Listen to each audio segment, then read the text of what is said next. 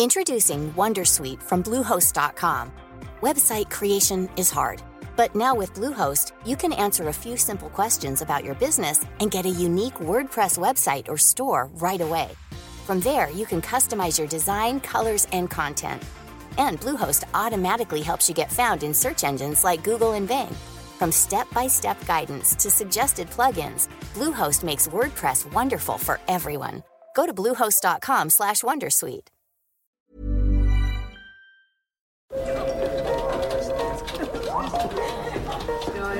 Dette er lyden av norsk næringsliv. Akkurat nå tas det små og store valg som kan bli avgjørende for fremtiden. Med økonomisystemet X-Leger tas disse beslutningene basert på informasjon i sanntid, slik at drømmer og ambisjoner kan bli virkelighet. Få kontroll og oversikt, gå inn på xledger.no. Denne sendingen er sponset av Xleger.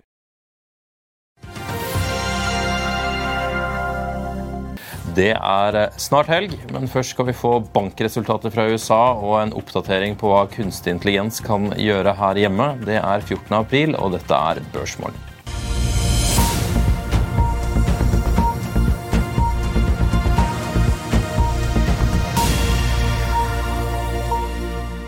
Velkommen til Børsmorgen her hos Finansavisen på denne andre fredagen i april. Jeg er Marius Mørk Larsen, og med meg har jeg Karl Johan Molnes. I dag får vi også besøk av Nå Medic-sjef Katrine Gamborg Andreassen. Og vi skal snakke kunstig intelligens og børs med Robert Ness fra Nordea. Men først litt kjappe formaliteter. Det ligger an til oppgang på Oslo Børs. Det var godt børsvær ved Wall Street i går. Og det høytrykket spredde seg til Asia. Dermed tyder alt på solskinn fra start i dag, skal vi tro på førhandelen på IG på 0,2% og Nordnetts Roger Berntsens anslag om 0,3% opp fra start. Amerikanske produsentpriser ble presentert i går, og de tallene var kraftig ned. og Der prisene gikk ned, der steg optimismen. SNP 500 var opp 1,33 i går. Nasdaq var opp 1,99% og Dow Jones klatret 1,14 Her hjemme hadde Oslo Børs allerede rukket å stenge ned 0,04% men det var jo altså da før de amerikanske tallene var lagt frem. TGS ble gårsdagens taper etter at selskapet la frem tall som åpenbart ikke imponerte som forventet. Eh, og skal vi se mens Oslo Børs i dag er, mens Oslo Børs er åpen i dag, derimot, vil JP Morgan, Citigroup og Wells Fargo legge frem sine kvartalsresultater, så det kan bli spennende med, våren, med tanke på vårens børsuro. Imponert ble derimot de asiatiske indeksene, eh, men da var det altså stemningen fra USA som hadde spredd seg. Eh, japanske Nikkei steg drøye prosenten, mens Topix nøyde seg med 0,5% Kinesiske Shanghai Composite vendte opp 0,3 mens Hang Seng i Hongkong ble liggende temmelig i ro. Samtidig er brenteoljen litt ned. Fra i går er prisen per fat ned ca. en dollar, ligger nå på 86,35 dollar. Som vi nevnte i går, så er dette fortsatt nesten 10 dollar høyere enn det var for en måned siden, og vi er i øvre sjikt av intervallet. Men et fat nordsjøolje kostet ved børsslutt i går 86,97 dollar til sammenligning. Av oppdateringer ellers på morgenkvisten er det greit å nevne at Norse Atlantics trafikktall for mars kom, eh, kom, rett før vi gikk i studio. 42 143 passasjerer fløy med Norse i forrige måned. Det meldte flyselskapet i en månedsoppdatering fredag. Det er opp fra 32 970 måneden før, og kabinfaktoren endte på 60% inkludert chartervirksomhet, som er en økning fra 50% i februar.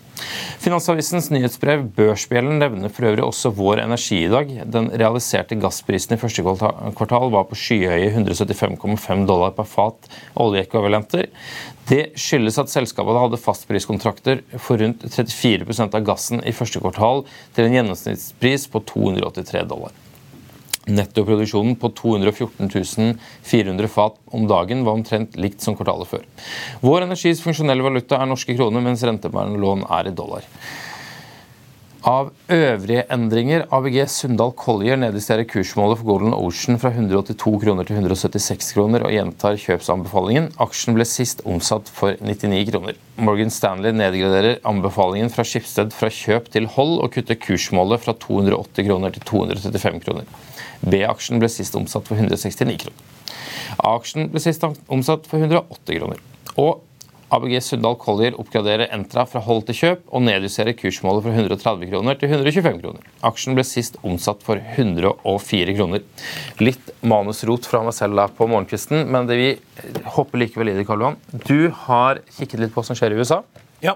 Uh, Michael Belkin er en aksjestrateg. Han har utgitt noe som heter The Belkin Report. Han har gjort siden 1992. og Eh, du vet, Fundamental analyse av aksjer det handler jo om hvor mye penger som er tilgjengelig for å investere i aksjer, sammenlignet med det som man er villig til å investere i aksjer. Og Han har sett en, en enorm trendrotasjon, eh, sektorrotasjon, etter at Silicon Valley Bank gikk konkurs. konkurs.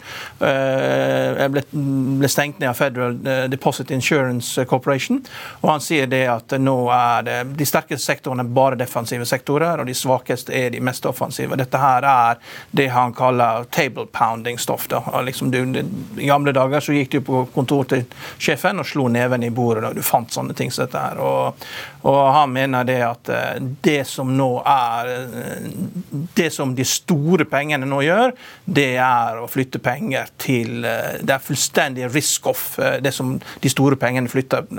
Så det går altså da til pengemarkedsfond, det går til, det går til de defensive sektorene, det er kraftverk, forbruksvarer matvarer, helse, og til dels også da de, de, siste sektorene som alltid gjør det bra før at eh, økonomien går i nedgangskonjunktur, det er jo olje og gull. da. Men alt, alt, alt blir dratt ned. Eneste som kommer til å gjøre det bra i de neste tre til seks månedene, det som virkelig gjør det, er statsobligasjoner og dollaren. Så man må trade forsiktig her. og det, det det, over, det, som gjør dette vanskeligere, det som er uvanlig, er at det, det, er en enorm aktivitet rundt det du kaller sånn zero date to expiry options. Da. Der har du en rekke asiatisk aggressive algoritmer og privatpersoner og hedgefond som kjører kamikazeflyging og, og prøver aggressivt da, og, og tjene penger og få så mye ut av denne her, det bear market rally som, som har pågått i to kvartaler, men, men det er over. og Eh, det er en enorm innstramming i likviditet, og nå er også pengemengden negativ. og Det, det skriver jo også at det, når Ben, Bernanke etter finanskrisen, når han lot seg intervjue foran sitt gamle barndomshjem nede i, i Nord-Carolina, så fortalte han det at det, depresjon det er bare én ting man må passe på, det er at pengemengden ikke faller. Klarer man å unngå det, så unngår man depresjon. Og Dette vet alle som jobber med eh, pengepolitikk i USA, og den er nå negativ. Så, så alle varsellampene blinker, og, og, og, pengene flyter deretter også. Og Dessuten er det også sånn at når halvparten av ventureselskapene har vært kunder av Silicon Valley Bank, og eh, børsen virker stengt, så er det, de bruker opp pengene. De har mistet jobben i USA. Det er ikke det samme som å miste jobben i Norge, altså de mister helseforsikring. Det er noe helt annet enn her. Altså. Så eh, nedgangskonjunktur, det, det, den er litt annerledes i Norge enn i USA. Ja, Man blir ikke kanskje så bekymret av å tenke på at noen det høres jo forferdelig ovenfra ut, men at noen mister jobben, det pleier ikke å utløse den samme type krise i Norge som det gjør i USA, kanskje? Nei, Det er for at det er et stramt arbeidsmarked. Altså det, vi har jo hatt tider i Norge også tidlig på 90-tallet og under finanskrisen. Vi som har levd noen år flere, det var ikke så gøy å miste jobben. Jeg tror ikke det var så gøy å komme helst selv ut av uh, business schools liksom på tidlig på 90-tallet. Det var trangt med jobber. Altså vi, men, men, vi er jo på den uh, glade gren her, og vi er jo en råvareleverandør, og vi kommer til å klare oss. Det, det, dette her gjelder ikke, det gjelder ikke så mye arbeidsmarked i Norge, men det er klart du, ikke, du får ikke kraftig nedgangskonjunktur i USA uten at du merker det i Norge. Og, og det, det, hadde kanskje ikke skade heller. altså kan du si det sånn at Effektiviteten, i, spesielt her i Oslo, på hva folk gjør, kunne helt sikkert ha blitt vesentlig bedre. Men det er ganske negative altså, Dette er jo ikke, dette er jo ikke det er ikke mye optimisme å ta med seg inn i helgen? da, med andre ord. Jo, altså, men nå kommer jo bankene. da. Kommer, alle de store bankene kommer jo nå uh, rundt uh, lunsj vår tid. Og, og uh, de vil jo rapportere det som skjer. da. Og det er klart, De, de kan jo ikke la være å si at 10% av innskuddene har jo de parkerer jo de hos Federal Reserve. altså 2000 milliarder dollar setter de inn overnight nå. Og, og de gjør det ikke bare for å få 4,5% rente, men de trenger det også for å bruke disse obligasjonene som sikkerhet for derivathandler som inngått. For obligasjoner obligasjonsporteføljen deres. Når obligasjonene stiger fra 1,5 til 4,5% så får du kursfall. og Det var jo dødelig for Silicon Valley Bank, men for eh, amerikanske banker så betyr det at de har mindre tilgjengelig kapital til å stille til sikkerhet til alle derivattransaksjonene. Og det har vært enkelte banker som har vært helt desperate og har liksom bydd til og med nullrente for å få sånne pakker da på eh, 10 milliarder dollar. I, i, så det, det, jeg tror det, til og med det var 40 milliarder dollar bydd. Altså, de, de ville ta obligasjonene selv om de fikk null i rente på det overnight. Så her er det også en kamp Eh, etter å, skaffe seg papirer for å stille til sikkerhet. Så det, og, og, det er sånn Når man skal analysere ting, så må man gå helt i kjernen for å forstå hva som foregår. Og, og Kjernen er det at likviditeten strammes til og pengemengdene faller. enda, og Dette er en situasjon som ikke er bra, og det vil slå ut på børsen. Veldig bra. Du, Vi må ta inn første gjest. Eh, vi er rett tilbake etter denne kjappe reklamefesten. Vil du bli oppdatert på det viktigste som har skjedd innen finans og næringsliv? Da er det bare å følge med, for hver morgen er jeg, Marius Lorentzen og aksjekommentator Karl Johan Malnes på plass i studio for å ta tempen på dagens marked i Børsmorgen. Og hver ettermiddag oppsummerer vi alt du trenger å vite i økonominyhetene, og det blir selvfølgelig masse interessante gjester. Klikk deg inn på fa.no-tv, eller søk opp Børsmorgen og Økonominyhetene der du hører på podkast.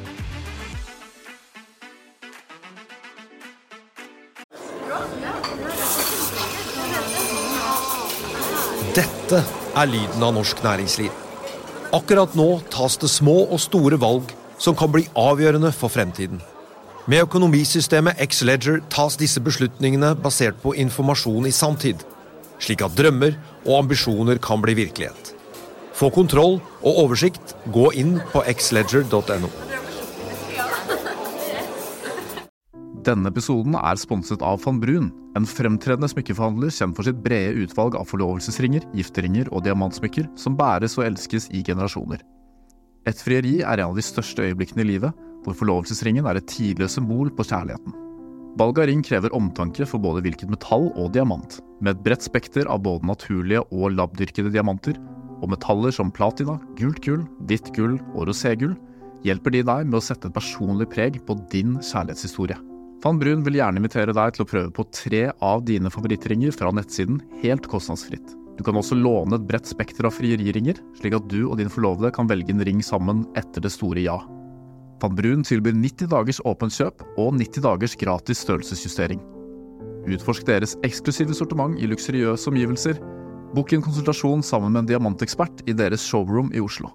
Eller online på vanbrun.com. V-a-n-b-r-u-u-n.com. For de som eh, så på NRK-debatten i går, så fikk de jo med seg en eh, fedmediskusjon om fedmemedisinering. og Det er jo en grei start på eh, å ønske deg velkommen, Katrine Gamborg Andreassen fra Navamedic. Dette er jo produkter dere lager? Absolutt. Vi har jo hatt produkter innenfor fedme siden 2017. Og mm, vi setter jo virkelig pris på en sånn debatt som var i går. Jeg eh, tror Noe av det som er utfordringen innen akkurat det området, er jo å sette søkelys på at fedme er en sykdom. Både for å få pasienten til å gå til legen, men også for at legen skal ha tilstrekkelig med verktøy i sin verktøykasse. Derfor syns vi det er positivt at det er en debatt som det som var i går. Men Det er jo både en sykdom, men det er jo en, det er jo en ganske om, eh, si, omfattende er det jo også, men, men det, er jo, det, er jo, mange som har fedme? Ja, og vi ser jo at det er økende. Det er jo økende i Europa. Det er absolutt økende i Norden. Og vi nordmenn vi eh, ligger vel blant uh, toppen av eh, forekomst av overvekt og fedme. Nordmenn? Mm. Ja. Det er ikke bare at vi går på ski og går på tur. vet du. Nei, nei man liker jo, liker jo kanskje i Norge å tenke at nei, fedme det er et amerikansk problem. Det er ikke noe vi sliter med. Vi er jo kjernesunne alle sammen i Norge. Men eh, nei, altså. Hva er det ellers dere gjør i Navamedic? Dere produserer jo denne fedmemedisinen. og så har dere jo, Du har jo tidligere vært ute og sagt at dere skal bli legemidlenes Orkla. Eh, så dere har jo tydeligvis ambisjoner om å, om å lansere mer enn bare ett produkt. Mm. Vi har en ganske bred portefølje i dag av produkter. Vi har produkter innenfor medisinske ernæringsprodukter, folk med medfødt genfeil. Vi har produkter eh, til sykehus. Antibiotika til bruk på sykehus. Og vi har uh, consumer health, altså produkter som uh, selges på apotek som forbrukerne, og pasientene, kan kjøpe selv.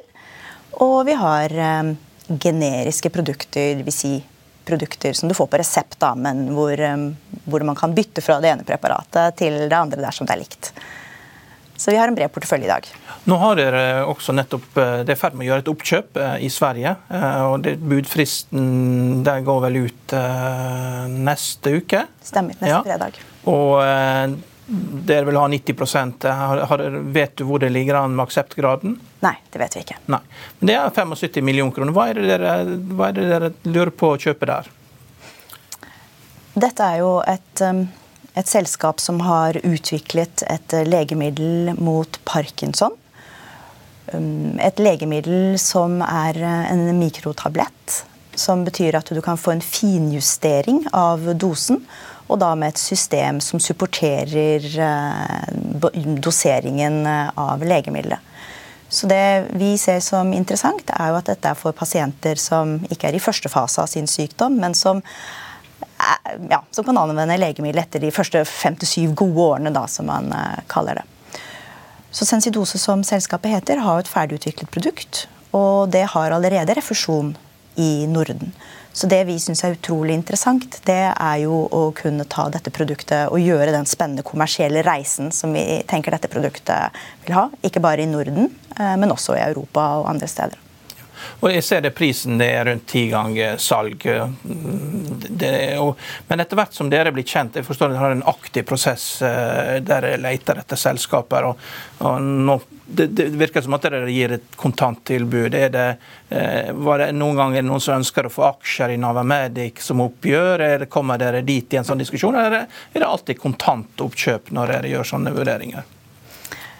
Vi er jo ganske fleksible i forhold til finansiering i så måte. Så de to andre oppkjøpene som vi har gjort både i fjor og tidligere, så har vi jo gjort betaling delvis i aksjer, delvis kontant. Eh, men dette er jo et børsnotert selskap i Sverige, så det var enklest og mest relevant eh, å ha et kontantoppgjør. Ja, og Nå har dere fått mange nye svenske investorer, som jeg forstår. og de er jo veldig flinke innen helse. Dette er jo en sektor også som eh, kommer til å gjøre det bra uansett hvilken konjunktur det blir. så Det er jo en, og, og price earnings ser jeg er bare på tolv, og uh, analytikerne driver og oppgraderer estimatene, ser jeg også. Det er, ikke, det er, ikke, så mange som følger det, men det blir stadig flere. Før så var det bare ett meglerforetak, nå ser jeg det, det er fire. Så det blir nok stadig flere som følger dere til hvert som de gjør oppkjøp. Da. Så kan du si noe om hvorfor analytikerne øker estimatene sånn som de har gjort for 2024? 50 øre opp på EPS. Det er jo ganske mye. Altså hva analytikerne velger å gjøre, for analytikerne ja, ja. svarer for selv. Det vi er opptatt av, er å være en troverdig aktør. Så vi har jobbet hardt for å skape vekst i selskapet. Vi prøver å være ganske tydelige på hva vi guider med. Så vi har jo levert over 20% organisk vekst de siste årene. Og vi har også guidet på at vi skulle investere mye av det vi har i overskudd i nye vekstinitiativ, og prøvd å være ganske presis på hvordan også EBITDA-utviklingen eh, skal økes etter hvert. Så jeg tror vel at det folk ser på, er jo at vi sier hva vi skal gjøre, og så gjør vi det. Og så prøver vi da å fortelle at vi gjorde det vi sa, og det skaper en tillit. Når jeg ser på bredden i porteføljen dere har, det er en enorm bredde for et så lite selskap. Er det, er det fordi at eh, dere er fleksible med hensyn til hvor dere kan gå, mens dere senere vil da fokusere og, og ta bort en del av satsingsområdene? For det er, jo, det er jo enorm bredde i satsingsområdene. Kan du si noe om hvorfor dere gjør det? Hvorfor dere forteller at dere vil være med på så mange forskjellige ting? Det som er vår unikhet, er jo vårt fokusområde. Vi er jo ikke et utviklingsselskap. Vi ønsker ikke å ta noen utviklingsrisiko. Vi eier ikke produksjon. Så vår kjernevirksomhet er jo kommersialisering. Og det som er um, kanskje vår edge, da, det er vi har en lokal forankring i Norden. Så vi har lokal kompetanse både innenfor salg og innenfor regulatorisk, innenfor marketing i alle de fire nordiske land, i tillegg til Nederland. Og vi tenker jo selvsagt synergier i det vi gjør. Så det er jo noen fellesnevnere.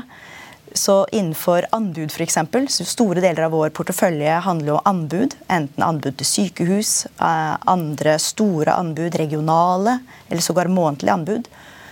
Der er det jo en synergi, uavhengig av hvilket legemiddel eller hvilket område det er for reseptbelagte legemidler.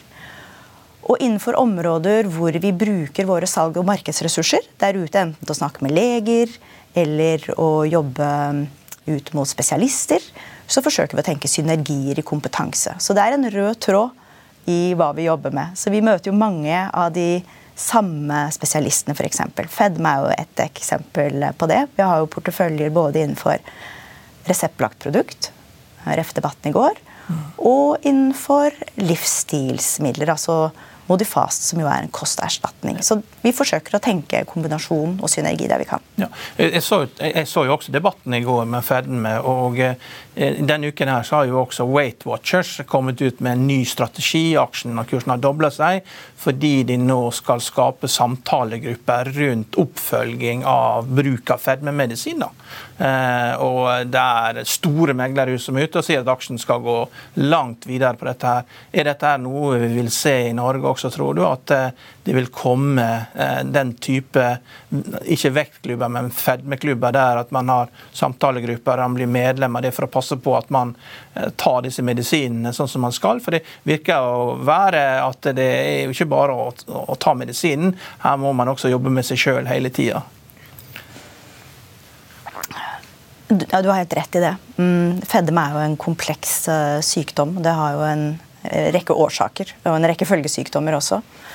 Men det har faktisk vært vår tilnærming lenge, er at det er ikke bare å, å, gi en pasient et legemiddel. Man må supportere pasienten underveis i behandlingsforløpet og etterpå. Så vi utviklet jo ganske tidlig et pasientstøtteprogram som vi tester ut i Sverige. Men regelen i Norge er sånn at vi som et legemiddelfirma, selv om vi bruker en tredjepart, så kan ikke vi gi råd uh, til pasientene om behandling. Så det jobber vi med. Se om norske myndigheter også kan komme på eh, banen og sikre at man kan bruke en uavhengig tredjepart uh, til å kunne bistå pasientene i oppfølgingen. Men for vårt andre produkt, Modifast, så har vi jo akkurat det. Der kjører man program som heter Lettere, til sammen. Hvor man har lukkede grupper, hvor gruppene supporterer hverandre. Eh, de støtter hverandre innad i gruppen.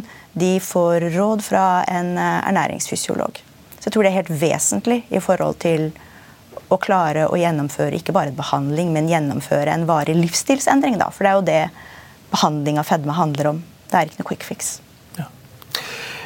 For de som ser på dette, er jo ofte det er mye folk som skal investere. Hvorfor skal man eh, kjøpe Novamedic-aksjen? Du hadde jo akkurat en eh, liten intro tidligere i dag om hvilke bransjer som var stabile. Ja. Jeg tenker at vår, Ingenting er jo uten en risiko, men vi har jo ingen produksjonsrisiko uh, i selskapet. Vi har ingen utviklingsrisiko.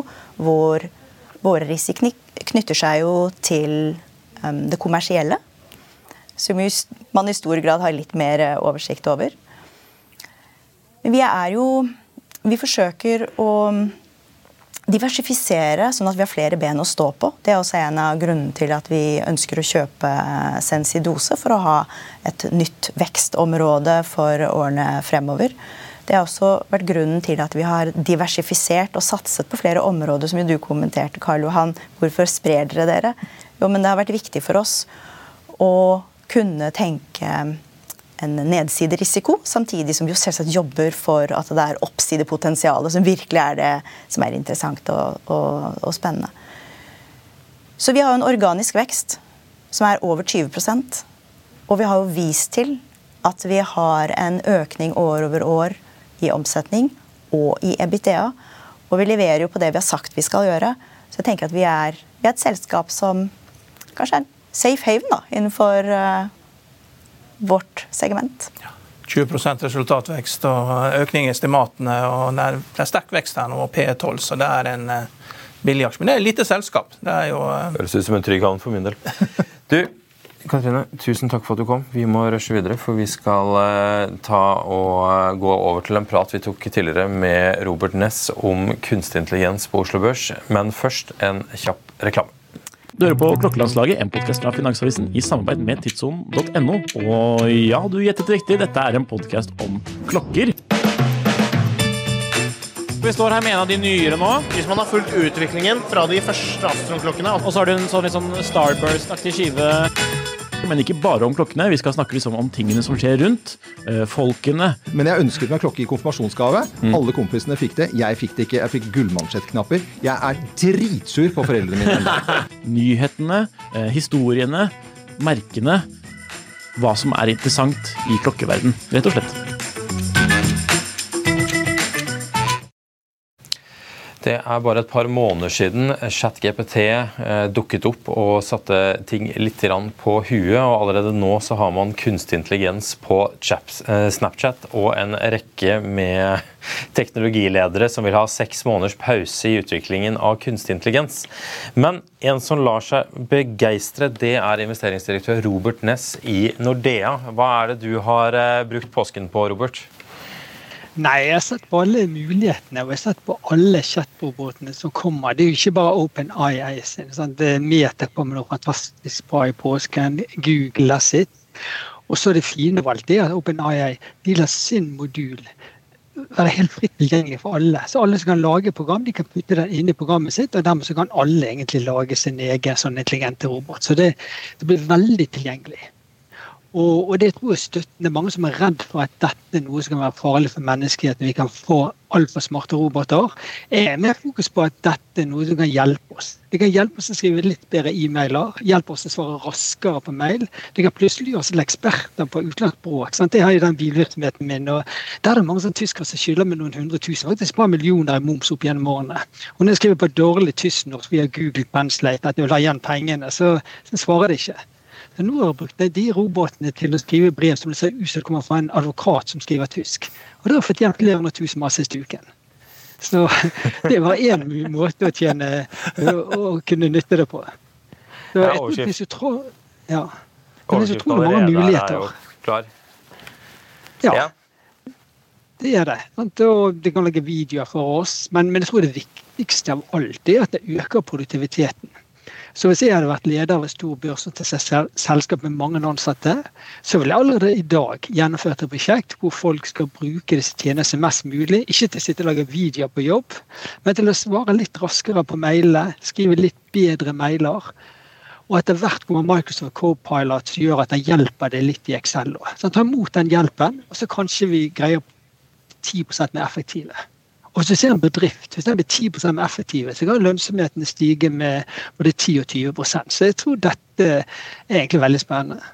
Det utjevner jo litt av forskjellen da, mellom små og store bedrifter. og Det er jo en av de problemene som har vært i økonomien. Det er jo at eh, store bedrifter har hatt mye bedre lønnsomhet enn små bedrifter. og Det du nevner med, med eksempelet med, med, å få tilbake en penger på bil, har jo blitt brukt av andre selskaper i USA som har fått penger som de har, eh, som folk har vært skyldige i da, ved å skrive effektive, korte effektive brev da, som ser ut som kommer fra advokat. Helt klart der eh, det må jo gå litt utover advokatstanden, dette her, da? Ja, jeg tror absolutt det. For det første vil jo advokatstanden kunne tjene på det ved at de selv blir mer produktive. Men klart det blir mindre etterspørsel etter de enkle tjenestene. Så advokat er kanskje ikke det mest spennende. Og det samme de som studerer språk. Sant? De er fantastisk bra å skrive alle mulige verdensspråk. Altså, Det skulle være bedre enn norsk enn meg, i hvert fall mye mer høfligere. Sant? Og da kan jeg tenke hvor bra de skriver de andre språkene. Så ja, så det er fryktelig veldig mye bra i de produktene. Du vet det, Robert, Jeg så jo det at du, du, du tok jo kraftig i og, og anslo 10-15% vekst. og det er klart Et av problemene vet det, det er jo med økonomien at det er jo ikke noen skikkelig vitenskap. vet du, så Alan Greenspan i sin bok The Age of Turbulence sa det en, en av de tingene som forundrer mest med økonomien, det er at det, på tross av alle de fremskritt vi har gjort, så klarer ikke økonomien å absorbere en produktivitetsøkning på mer enn 1% i året, uansett hva vi har funnet på. Så, så, men det er jo godt at det kommer nye ting, og at det, det vil nok ta tid å absorbere dette. For man ødelegger jo ting på veien også. Det, det er jo, eh, Google ødelegger jo for sin egen virksomhet, og det blir jo en del ting som blir kannibalisert ved dette. Så det, det er nettopp positive kanskje at det, det blir 10-15% pluss, men det der er en 5-6-7-8-9% som ryker bort også, og så tar det litt lengre tid enn man tror. Jeg tror, det, jeg tror det er veldig godt poeng. Og Så gjelder det kanskje å være tidlig ute. For du må jo anta at det blir mer konkurranse, sånn at den kostnadsbesparelsen etter hvert går til kundene. Så det betyr at de som er sent ute, får veldig liten glede av det. Så det er de som kan være tidlig ute, som får, får, får mest, mest glede. Altså, hvis, hvis jeg, det du sier her på en måte er at, at jeg sender deg en e-post som jeg har generert med, med, kunstig intelligens, og så svarer du meg på en e-post med kunstig intelligens, har ikke dette egentlig bare bekreftet at ikke vi trenger å sende disse e-postene i utgangspunktet? Det må jo ikke være noe mer enn dette her som vi skal bruke det til? Jo, absolutt. Det vil det være. Altså, men det eksempelet mitt jeg tenkte på, er at jeg har litt mer kunnskap. For, hvis noen hadde sendt deg noe på, på sånn dårlig norsk, så hadde du kanskje ikke tatt det seriøst. Hvis det er flytende norsk, så tar du det mer eh, seriøst. Så jeg mener dette er bare én ting.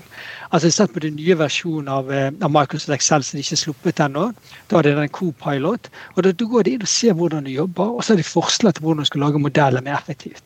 Dette sparer du litt tid på, i hvert fall neste gang når du, har lært det. Så jeg tror det er mange måter hvor vi de små tjener, eh, tjener litt. Og det tror jeg til sammen. Sant? Eh, om det er 10 eller 15 eller 5% så det i hvert fall, hjelper det i hvert fall. Og det som er det store spørsmålet er hvilke selskap du skal kjøpe. Du kan tenke konsulentbransjen. Hvis du tar sånn som Bouvet, så er lønnsinntektene der rundt seks ganger eh, Pretex profit. Det betyr at hvis vi får 10 bedre lavere kostnader og samme inntekter, så kan inntjene opp med 60 Det er ikke sikkert at det skjer. Og så er det at vekten kan jo ta litt ja, det kan jo ta litt tid. Men, ja, men det er iallfall en del selskap som kanskje før var bare litt spennende, som blir mer, mer spennende nå. Kan ChatGPT programmere i Java også, sånn som Bouvet holder på med?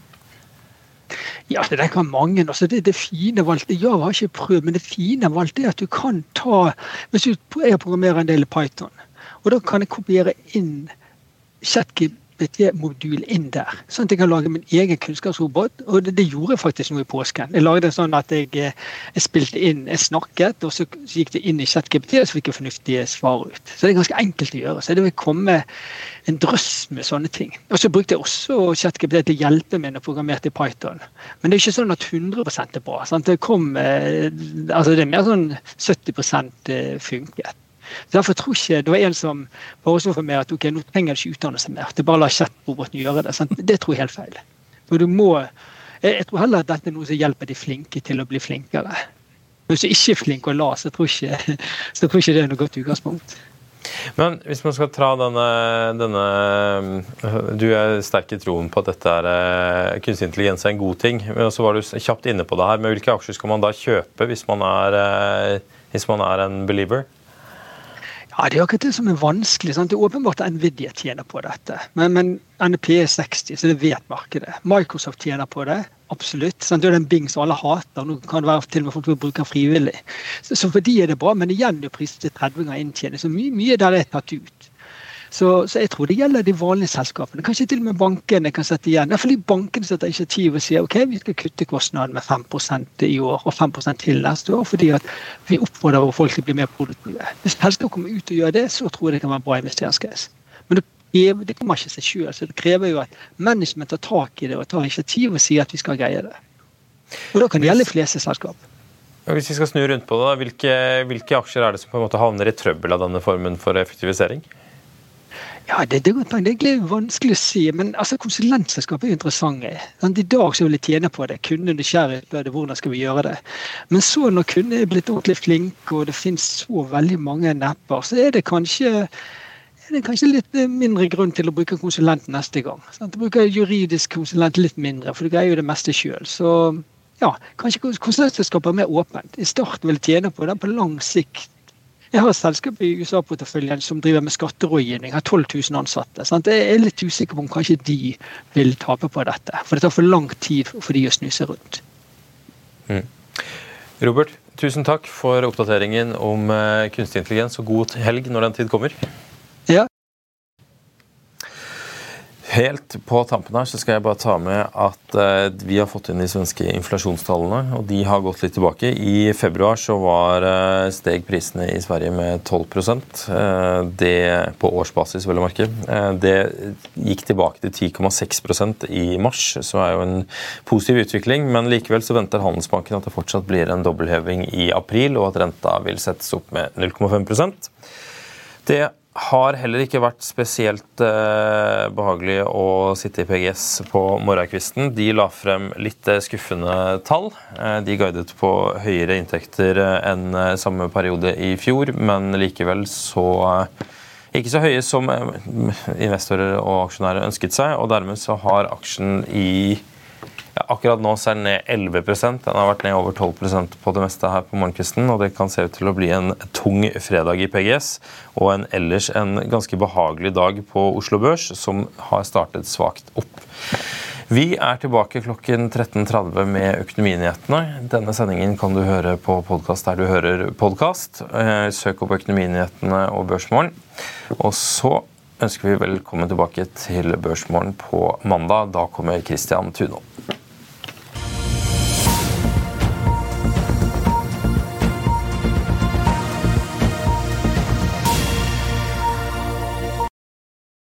Denne sendingen er sponset av Xleger.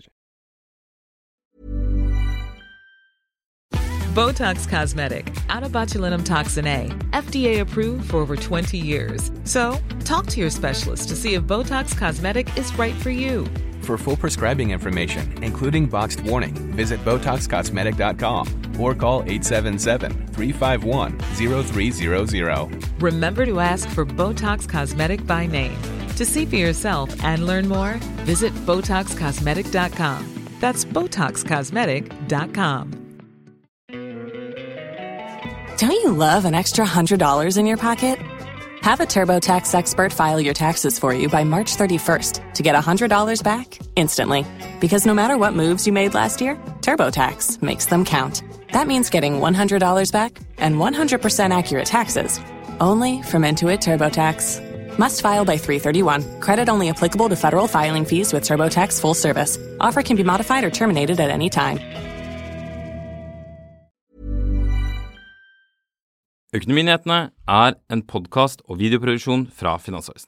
Programleder er Marius Lorentzen. Aksjekommentator er Karl Johan Molnes. Produsent er Bashar Johar. Podkast- og videoansvarlig er Marius Mørk Larsen. Og ansvarlig redaktør er Trygve Hegnar.